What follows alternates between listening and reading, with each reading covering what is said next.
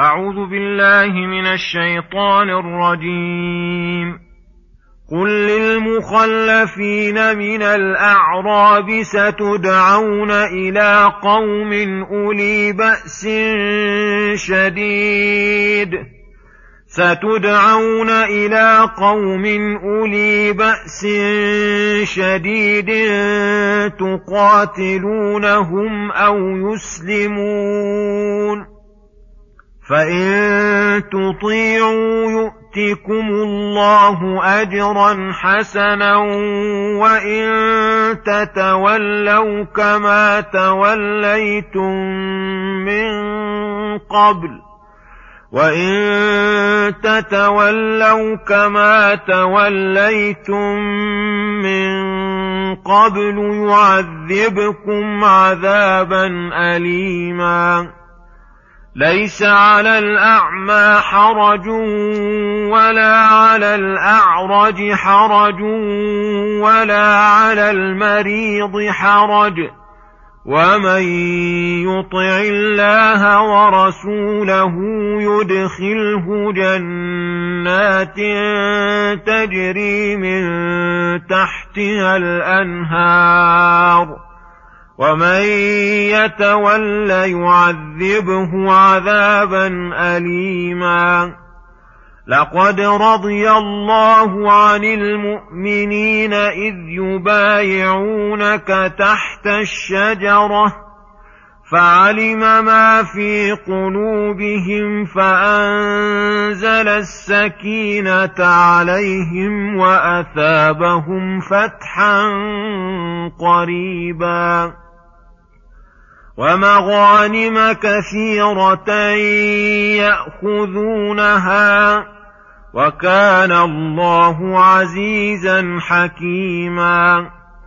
وعدكم الله مغانم كثيرة تأخذونها فعجل لكم هذه وكف أيدي الناس عنكم ۖ وكف أيدي الناس عنكم ولتكون آية للمؤمنين ويهديكم صراطا مستقيما وأخرى لم تقدروا عليها قد أحاط الله بها وكان الله على كل شيء قديرا.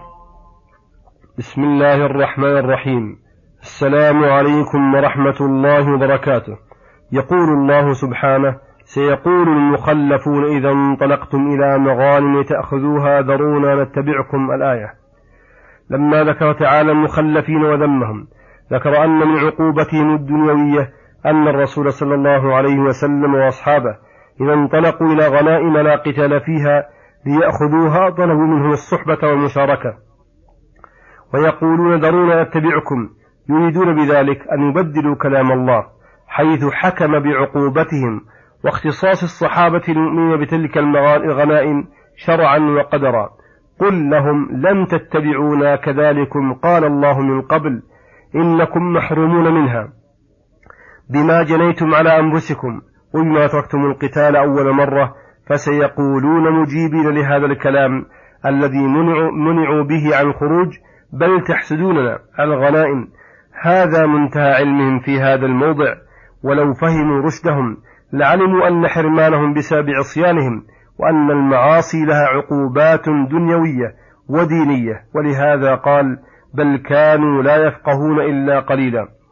ولما ذكر تعالى أن المخلفين الإعراب يتخلفون عن الجهاد في سبيله ويعتذرون بغير علم وأنهم يطلبون الخروج معهم إذا لم يكن شوكة ولا قتال بل لمجرد غنيمة قال تعالى ممتحنا لهم.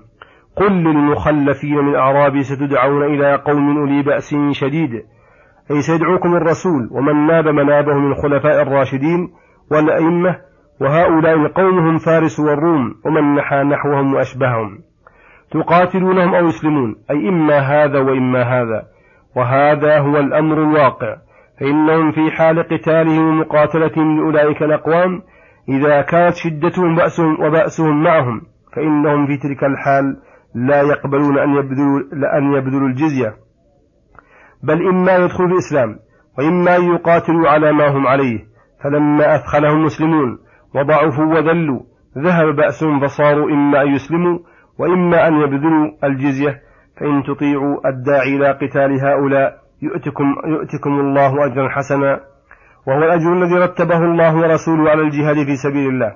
وإن تتولوا كما توليتم من قبل عن قتال من دعاكم الرسول إلى قتاله يعذبكم عذابا أليما. ودلت هذه الآية على فضيلة الخلفاء الراشدين الداعين لجهاد, لجهاد أهل البأس من الناس وأنه تجب طاعتهم في ذلك.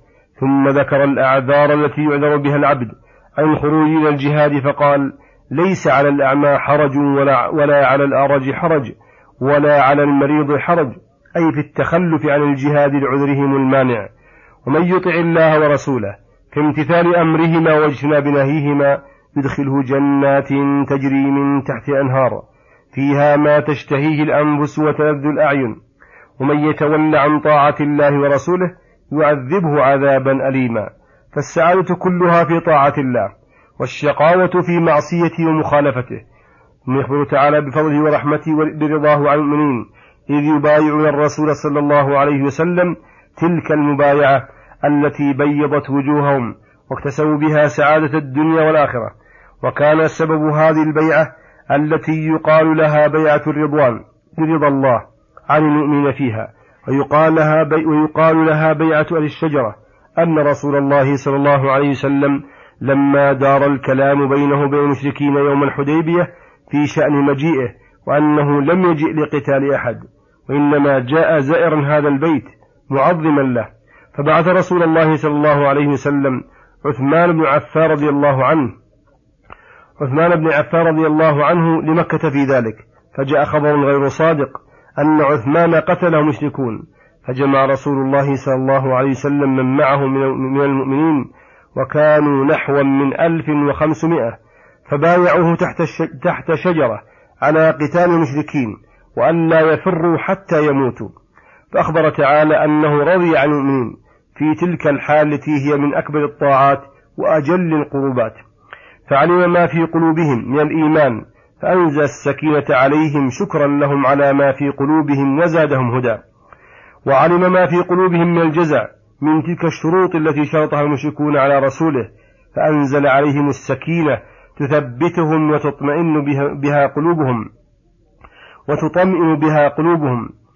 وأثابهم فتحا قريبا وهو فتح خيبر لم يحضره سوى أهل الحديبية.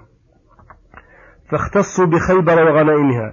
جزاء لهم وشكرا على ما فعلوه من طاعة الله تعالى والقيام مرضاته ومغانم كثيرة يأخذونها وكان الله عزيزا حكيما أي له العزة والقدرة التي قهر بها الأشياء فلو شاء لانتصر من الكفار في كل وقعة تكون بينهم وبين المؤمنين ولكنه حكيم يبتلي بعضهم ببعض ويمتحن المؤمن بالكافر وعدكم الله مغانم كثيرة تأخذونها وهذا يشمل كل غنيمة غنمها المسلمون إلى يوم القيامة.